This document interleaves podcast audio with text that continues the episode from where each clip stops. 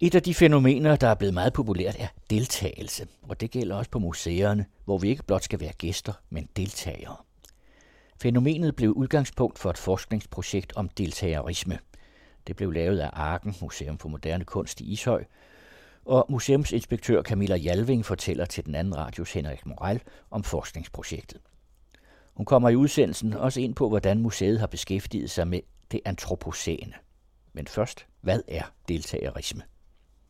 Deltagerisme, det var fra min side sådan en lidt selvopfunden term. Det var selvfølgelig et forsøg på gennem et forskningsprojekt at prøve at undersøge, hvordan det her deltagelsesbegreb på mange måder var begyndt at antage en nærmest ismeagtig karakter, var blevet til en isme, måske.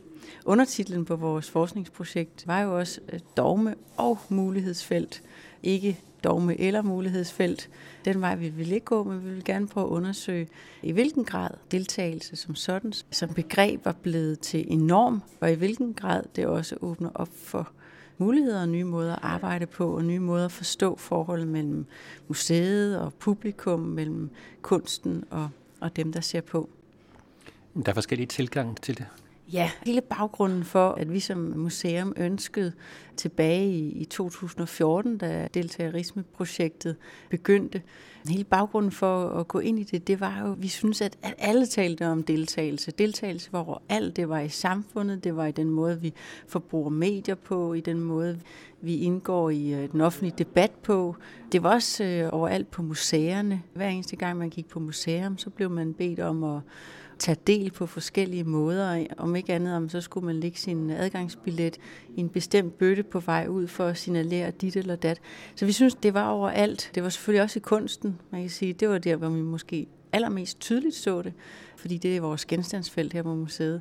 I samtidskunsten, men det manglede stadigvæk, i hvert fald for vores synspunkt, en øh, klar sådan udredning, eller i hvert fald en indkredsning af, på hvilke måder deltager vi, og hvorfor deltager vi, hvem er det, der deltager, hvad er det for nogle motiver, som kan ligge bag. Så det var et oplevelse af, at deltagelse er alle vegne, men vi deltager på utrolig mange forskellige måder, og der er mange dagsordner skrevet ind i det her deltagelsesfelt. Kunne du prøve at komme med nogle af de dagsordner der?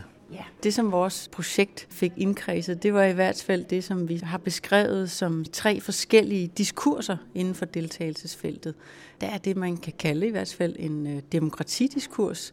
Det er en, øh, en måde at tale om deltagelse på, hvor deltagelse rigtig meget bliver linket til den måde, vi øh, agerer på som og bliver demokratiske borgere, den måde, vi får indflydelse på. Vi kender jo alle sammen det om medborgerskab, det om flerstemmighed. Det er nogle tanker, der ligger inden for demokratitænkning, som netop handler om en form for aktivt medborgerskab. Det var den ene sted, vi kunne se deltagelse. Det andet sted, det var i det, man kan kalde museumsdiskursen. Her har man siden 90'erne i virkeligheden haft en ny orientering, en ny forståelse af museet som et meget mere deltagende sted. Dels så har man sådan en som øh, Stephen Weil, som i 1999 jo kom med sit famøse diktum om, at museet ikke længere skulle være et sted om noget, men et sted for nogen. Så den der forskydning fra genstanden fra det, som museet har, til det, som museet gør, og hvem museet er for. Det var en del af det. En anden, det er sådan en som Nina Simon, en amerikansk museumsforsker, som også i 2000-tallet udgav sin bog The Participatory Museum, som blev utrolig indflydelsesrig på museumspraksis rigtig mange steder.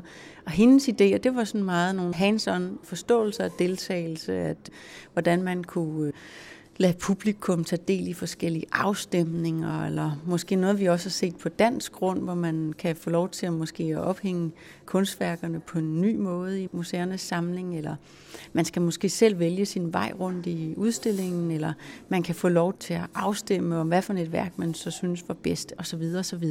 Så det var den der museumsdiskurs, hvor vi virkelig synes, at der var et nyt fokus på brugeren, på den besøgende, som jo blev i talesat på forskellige måder. Og endelig så var der også inden for det, man så kan kalde kunstdiskursen, en, fra 90'erne frem også, tiltagende orientering mod beskueren eller brugeren af et kunstværk, deltageren, kunne man også sige. Der har været så mange øh, formuleringer omkring det. Man har talt om relationel æstetik, man har talt om social engageret kunst, man har talt om deltagelseskunst, participatory art. Men altså kunstværker, hvor værket så at sige ikke befinder sig i en genstand, men netop befinder sig i de relationer, som den her genstand etablerer, eller den her sociale situation, som kunstneren gestalter, den etablerer. Det er sådan også en, igen en forskydning fra et værkbegreb til et, et brugerbegreb og et deltagelsesbegreb. Hvis vi tager demokratidiskursen, så er der nogle forskellige overvejelser i forhold til, hvad det betyder med demokrati. Og der er også nogle politiske holdninger til, at det skal være et spørgsmål om, at man skal inddrage befolkningen det skal være en social udvikling i forhold til at bruge museerne. Ja, helt sikkert, og særligt i England har man i rigtig mange år brugt museerne som del af et socialt projekt, som sociale løftestinger på en måde, hvor der har været et krav om eller et ønske om, at museerne ikke bare har del i en kulturproduktion og en arkivering og, og så videre, men egentlig også går ind og løser nogle sociale opgaver.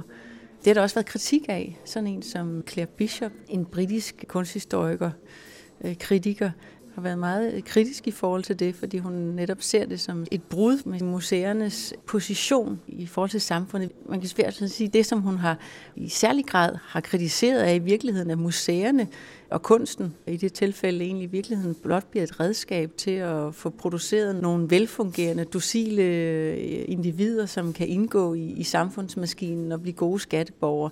Så man kan sige, at museet eller kunsten på den måde bliver skrevet ind i sådan en bestemt udviklingstanke, en, en bestemt samfundsmodel gennem øh, museernes virke som måske ikke er hensigtsmæssigt, fordi at kunsten på den måde også måske mister sin øh, kritiske position eller sin øh, eksterne position. Og i virkeligheden handler det jo også om, hvad det er for et kunstbegreb, man arbejder med. Om kunsten står udenfor, eller om museet står udenfor, eller om museet skal være en del af samfundet.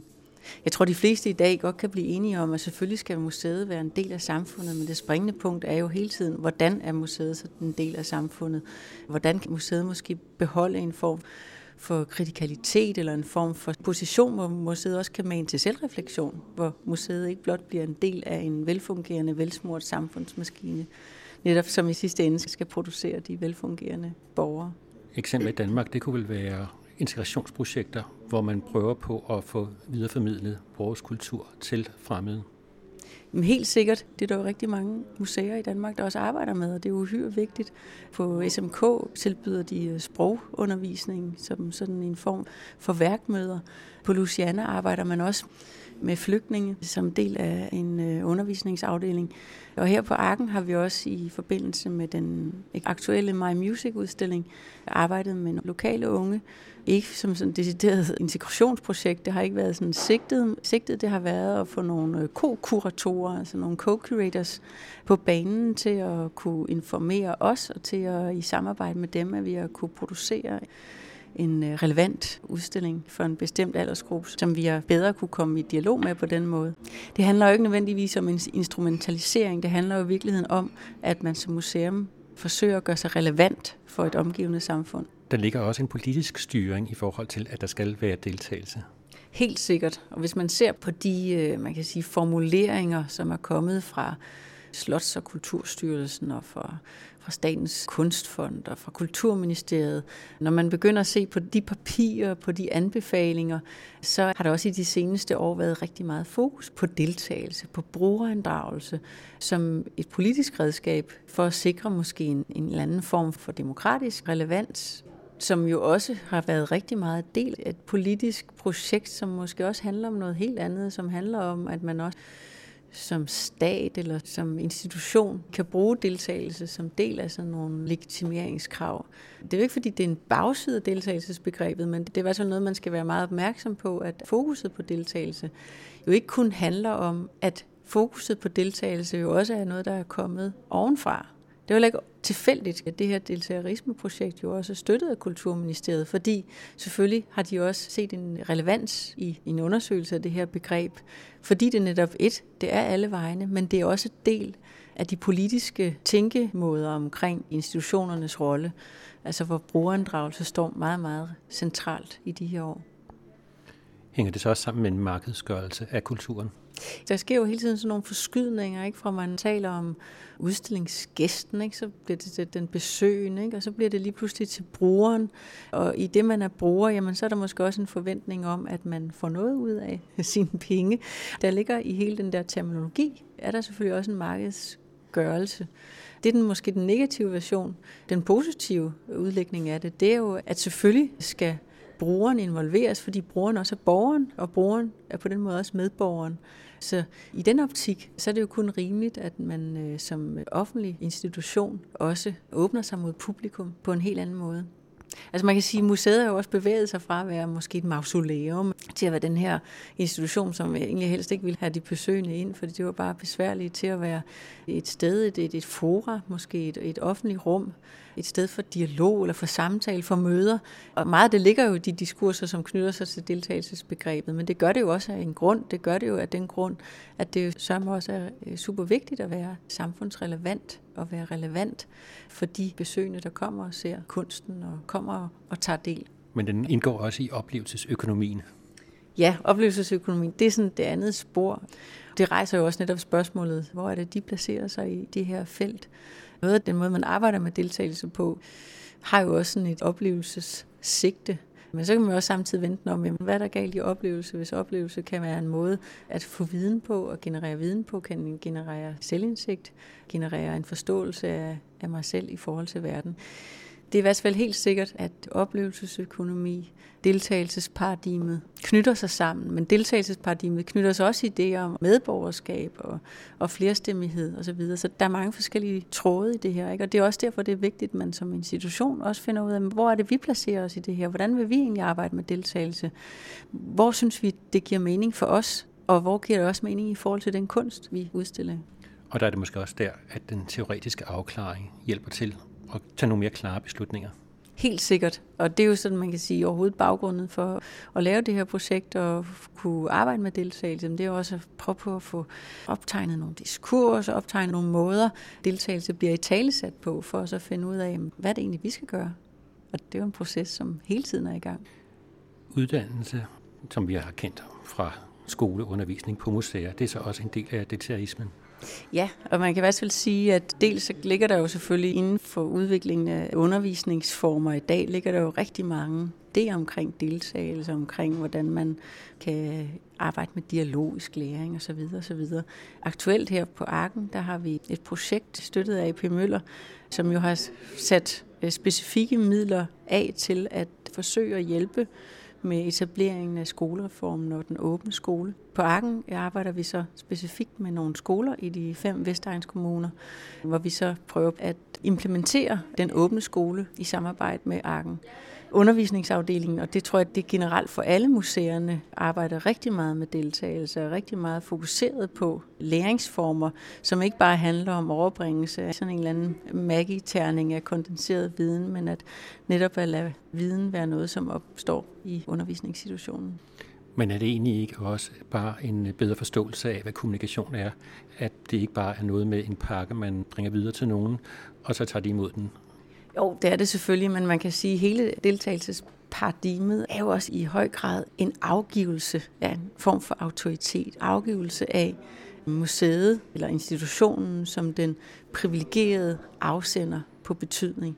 Fordi det øjeblik, man åbner for andre former for betydningsproduktion, som ligger hos den besøgende eller hos brugeren, hvad man nu skal kalde den her, så er det jo også en anden måde at betragte, altså helt lavpraktisk, hvis vi taler om, at museumsgæsten lige pludselig begynder at ophænge samlingen, jamen, så er det jo en, et skridt fra kurator til gæst.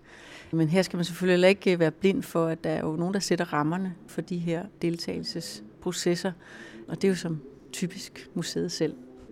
Et sted, hvor der er meget deltagelse, det er på de sociale medier. Ja, helt sikkert de sociale medier er jo også blevet sådan en stor del Dels er det jo en del af alle menneskers liv i dag. Det er den måde, hvor vi føler, at vi kommer til ord. Det er der, hvor vi kan signalere, hvem vi er. Det er selvfølgelig også noget, som bliver brugt inden for museumsvæsenet. Det er sjældent, man kan komme til en udstilling, hvor der ikke står hashtag et eller andet, hvor man så bliver opfordret indirekte til at dele sine billeder fra udstillingen på de sociale medier. Det er jo sådan nogle glidninger, hvor det, som folk de gør i deres liv i øvrigt også glider ind, og selvfølgelig også bliver til nogle oplevelsesformer, nogle værensformer, nogle måder at tage del på, som også bliver optaget af museerne og folder sig ud på museerne. Men det må også give en overvejelse om, hvordan man kan eventuelt have en barriere i forhold til selve værket. At det vigtige det bliver at kommunikere, her har jeg været, jeg har set det her værk, i stedet for at gå ind i oplevelsen. Ja, det er jo sådan en evig diskussion, hvornår man er til stede.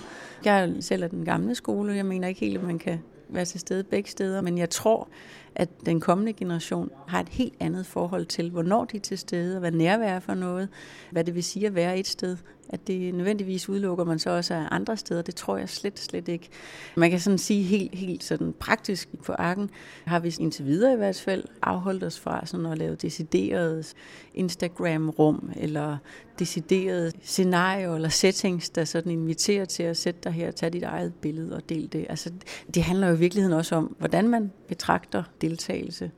Det er også noget af det, der har været en del af projektet, deltagerismeprojektet, har også rigtig meget handlet om at øh, skitsere en mulig fjerde vej. For nu taler jeg om den her demokratidiskurs, jeg taler om museumsdiskursen, og jeg taler om kunstdiskursen. Det, som man kan savne i de her diskurser, det er i virkeligheden den form for deltagelse, som tager udgangspunkt ikke nødvendigvis i brugeren, ikke nødvendigvis i nogle kuratoriske greb, men i selve værkmødet, i det, som værkerne gør. I forhold til deltagerismeprojektet blev det en central pointe at udvikle nogle måder at forstå deltagelse på, som kan rumme det her værkmøde, som ikke nødvendigvis kun forlader sig på nogle øh, kuratoriske strategier eller en sådan meget hands-on deltagelsesform, som heller ikke nødvendigvis er skrevet ind i en øh, demokratidiskurs, men som i virkeligheden handler om at give plads, og måske i særlig grad at sætte nogle rammer for et meget mere affektivt møde. Et møde, hvor man kan sige, at man som gæst måske ikke deltager ved at skulle trykke på en knap, men hvor man deltager, fordi udstillingen af værkerne, men også udstillingsdesignet i højere grad tager en ind og skaber et bevidst rum for det her affektive møde. Så sådan en form for affektiv deltagelse blev sådan ret magtpålæggende også at få formuleret i deltagerismeprojektet, og i virkeligheden for at få åbnet op for de her eh, måske lidt faste forestillinger om, hvad deltagelse er. Det lyder som noget, som på en eller anden måde er lidt mindre styret. Noget, der ligger op til noget mere individuelt. Ja, men øh, helt sikkert, fordi det ligger rigtig meget på værkniveau, det ligger på værkmødeniveau, det ligger i forhold til, hvad man som den enkelte gæst bringer med ind i det her møde. Men det er selvfølgelig også øh, noget, som man jo også kan forstærke gennem udstillingsdesign ved at skabe nogle øh, intense rum, nogle øh, rum, hvor nogle værkmøder, hvor man lægger op til ikke nogle bestemte effekter som sådan, men i hvert fald skaber en bestemt stemning, overrasker, hvor man skaber udstillinger, som på sin vis er manipulerende, fordi det er jo alle udstillinger, men hvor man måske også synliggør, her er der udstillingsdesign, et, en øh, udstillingsarkitektur, som sætter en bestemt ramme for din oplevelse. Kunne du give et eksempel på, hvor du synes, det har lykkedes? Jamen, jeg synes, der har været mange eksempler. Blandt andet kan man bare tale om en af de seneste udstillinger, Gys, om sådan hyperrealistisk skulptur, hvor vi arbejdede med en lyssætning, som var forholdsvis dramatisk, som satte scenen for nogle bestemte, intense, intime møder, fordi det ikke bare var et blegt generelt lys, der bare oplyste hele rummet, men som fremhævede det her en-til-en møde med et andet væsen. Man kan også nævne vores Nikita Sanfal-udstilling for et par år siden, hvor vi også arbejdede med nogle meget iscenesatte rumforløb. En tunnel, blandt andet en spejltunnel, man gik igennem. Det er jo sådan nogle små greb, som de fleste forventer af udstillinger i dag, men det er jo også greb, som er med til at skabe udstillingen som et ekstra sansligt rum, et ekstra intenst rum, et sted, hvor sansningen bliver sat i scene. Er det så noget, man skal gøre over det hele, eller er det så noget, man skal udvælge? Det er noget, man skal gøre med en meget bevidst hånd, og ikke nødvendigvis over det hele. Det er heller ikke alle udstillinger, der egner sig til det. Der er også rigtig mange værker, som gør det selv. Vi har jo haft på en række store værker i vores akse, som har mere installatorisk karakter. Og der kan man sige, at det er også der, hvor museet i virkeligheden kan gå ind og lære af kunsten, fordi den jo kan prøve at se på, hvordan er det så, at kunsten kan gestalte de her intense, fortættede rummeligheder, hvordan er det, kunsten selv kan arbejde med det. Vi havde Randia Katrine her for nylig. Vi har haft Olof Eliassens togetunnel. Vi åbner Ugo Rondinone her i december måned, som også bliver et rum, hvor der kommer til at ske nogle overraskende møder, et forløb ned igennem aksen, som også, håber vi, kan stimulere en form for sådan meget sanselig og måske deltagende kunstoplevelse. Men bliver det ikke også meget styrende, at det er meget jer, der bestemmer, hvad det er for en fortolkning, man skal gå ind i, eller hvilken effekt man helst skal opnå i, forhold til kunstnerens øh, udtryk? Jo, men kunstværket sætter jo også sin egen ramme. Vi kan jo prøve at måske understøtte det, som vi synes kunstværket kan og gør bedst. Men selvfølgelig jo, vi styrer. Et museum styrer fra det øjeblik, du går ind ad indgangen. At tale om, at der skulle være et punkt, som ikke er scenograferet eller en eller anden form for naturligt værkmøde, det findes jo ikke. Galleriophængningen sætter en bestemt ramme om et værk. Salonophængningen, hvor værkerne hænger tæt, gør noget andet. Den meget scenograferede udstilling gør noget tredje. Der er ikke sådan noget, som ikke er styret. Bare det museumsinstitutionen som sådan sætter jo en bestemt øh, forventningshorisont i den besøgende, udstikker nogle bestemte kodexer for, hvordan man kontemplerer, hvordan man oplever, hvordan man i tale sætter kunst. Det kan man jo prøve at arbejde med og bryde med og overraske, men det er et utroligt styret rum i udgangspunktet. Men der var så også den kunstneriske deltagerisme, hvor kunstneren mere har styret, hvad det er for en deltagelse, der skal være. Ja, for eksempel øh, vores aktuelle Michael Kvirum-udstilling. Det er jo ikke bare en udstilling af Michael Kvirums malerier. Det er ikke også der har hængt dem op. Det er kunstneren selv, som har skabt et forløb, en total installation, hvor der i høj grad bliver spillet på øh, det affektive, og der i høj grad bliver spillet på overraskelse, på gro, på forundring, på på selvrangagelse, forskellige følelser, der kommer igennem, som er stærkt scenograferet og stærkt villet fra kunstnerens side. Og selvfølgelig er den det, fordi enhver afsender har jo en intention og vil jo gerne sige noget. Og i det her tilfælde, der er det kunstneren selv, der har overtaget rummet og overtaget udsigelsen. Men I har så også nogle eksempler på, at almindelige borgere har deltaget i udformningen af kunstværker? Den måde, vi har arbejdet med det på senest, det har været gennem det her co-curation-forløb.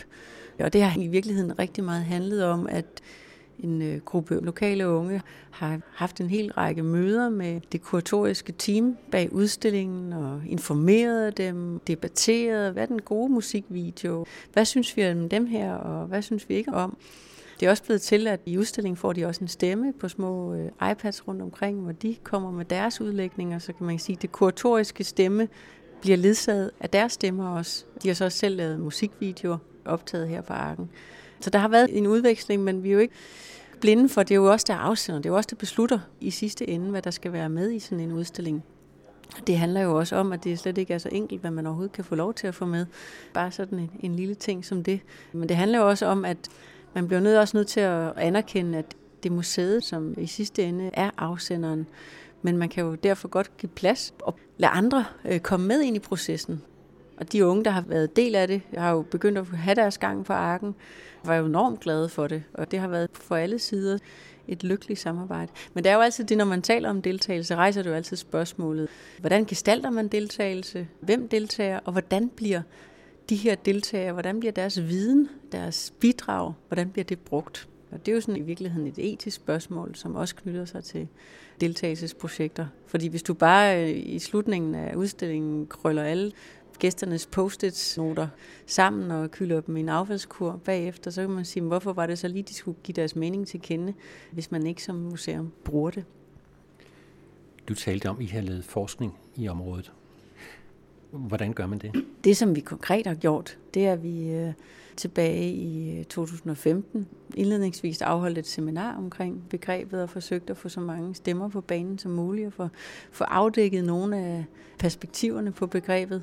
Og så ret traditionelt, kan man sige, udmyndtede det sig i et særnummer af vores forskningspublikation, Arken Bulletin, som udkom her i 2017 med titlen The Art of Taking Part.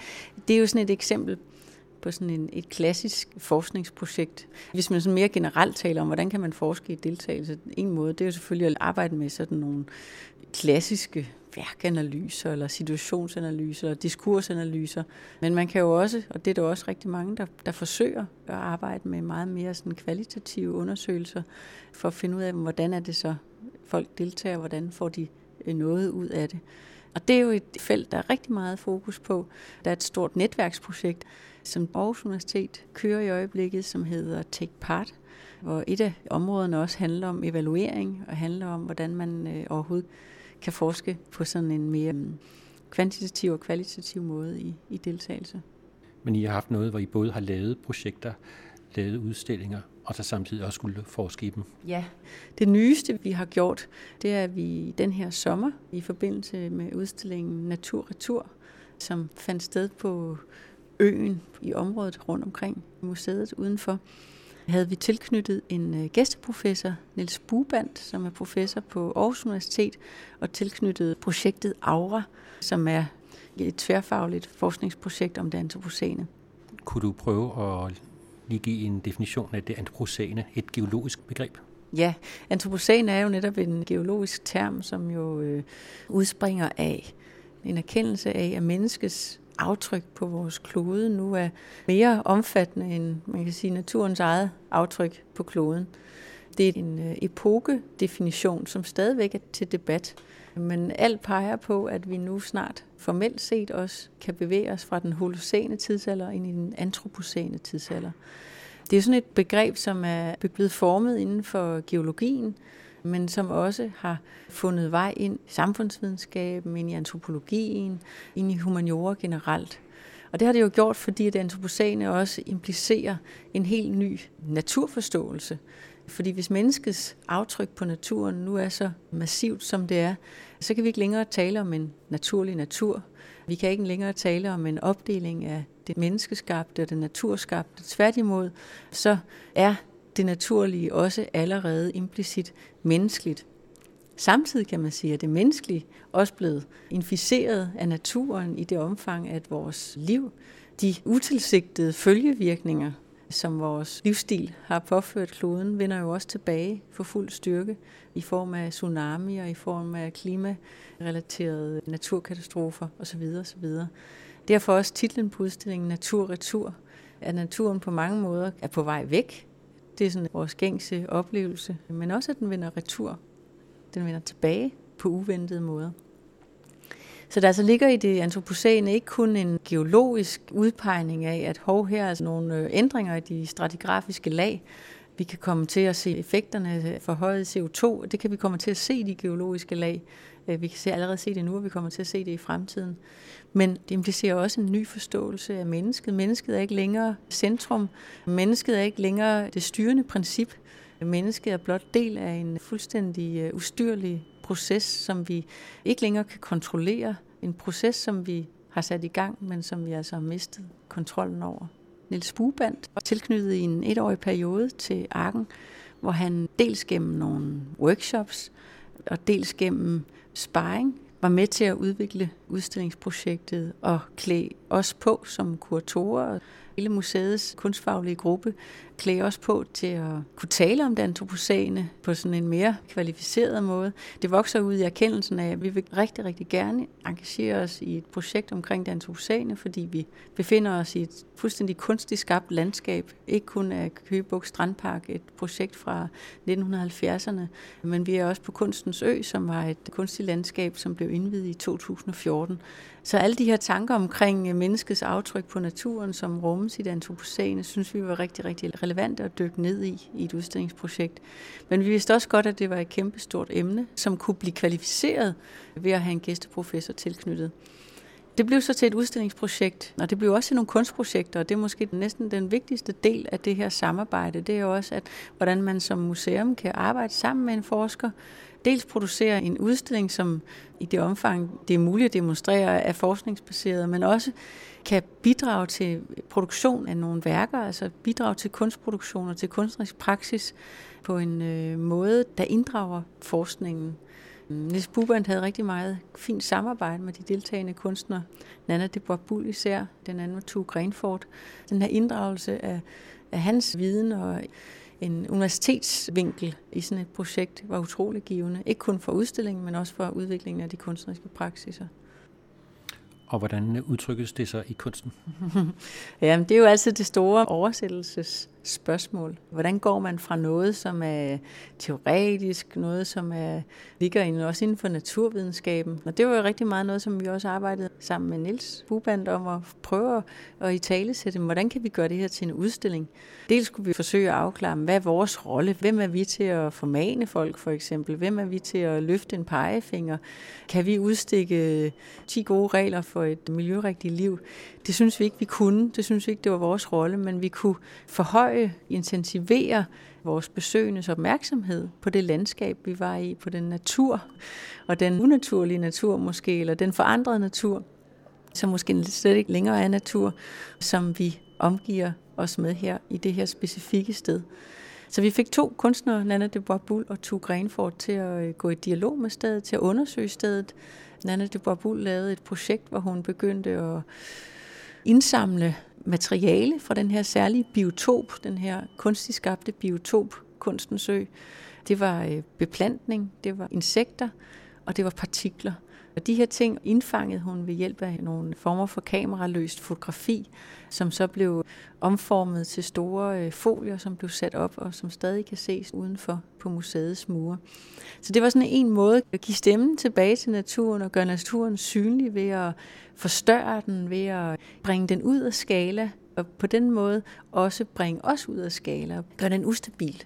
Fordi hvis græsset lige pludselig vokser 5 meter op over vores hoveder, så er det altså ikke længere os, der træder på græsset, men det er os, der bliver væk i græsset. Eller ligesom at hun indfangede nogle partikler, nogle sandpartikler her fra øen, som øh, når de bliver blæst op på murene, fremstår mere som en stjernehimmel.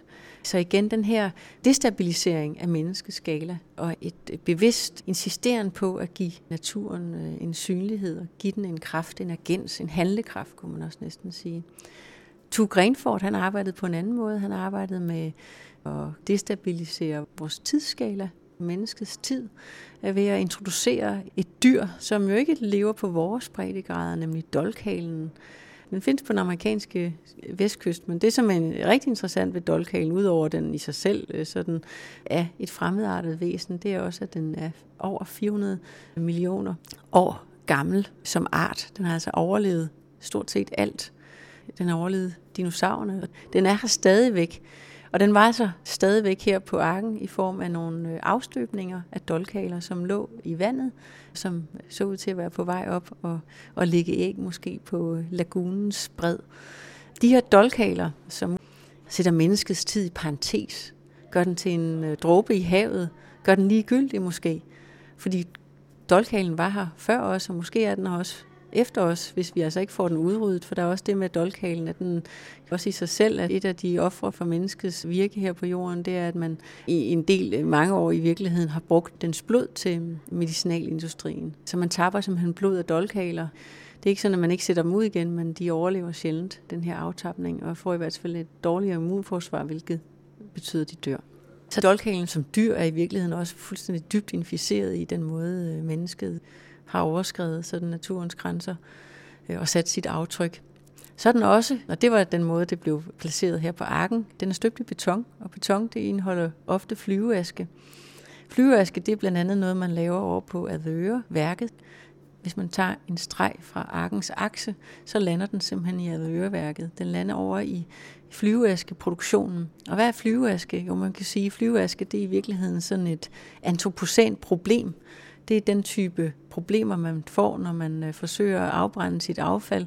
Det har vi jo masser af i den vestlige civilisation, og restproduktet, det er den her flyveaske, som man så nu typisk bruger i betonindustrien. Men det betyder jo ikke, at man slipper af med problemet. Det vedbliver med at være der.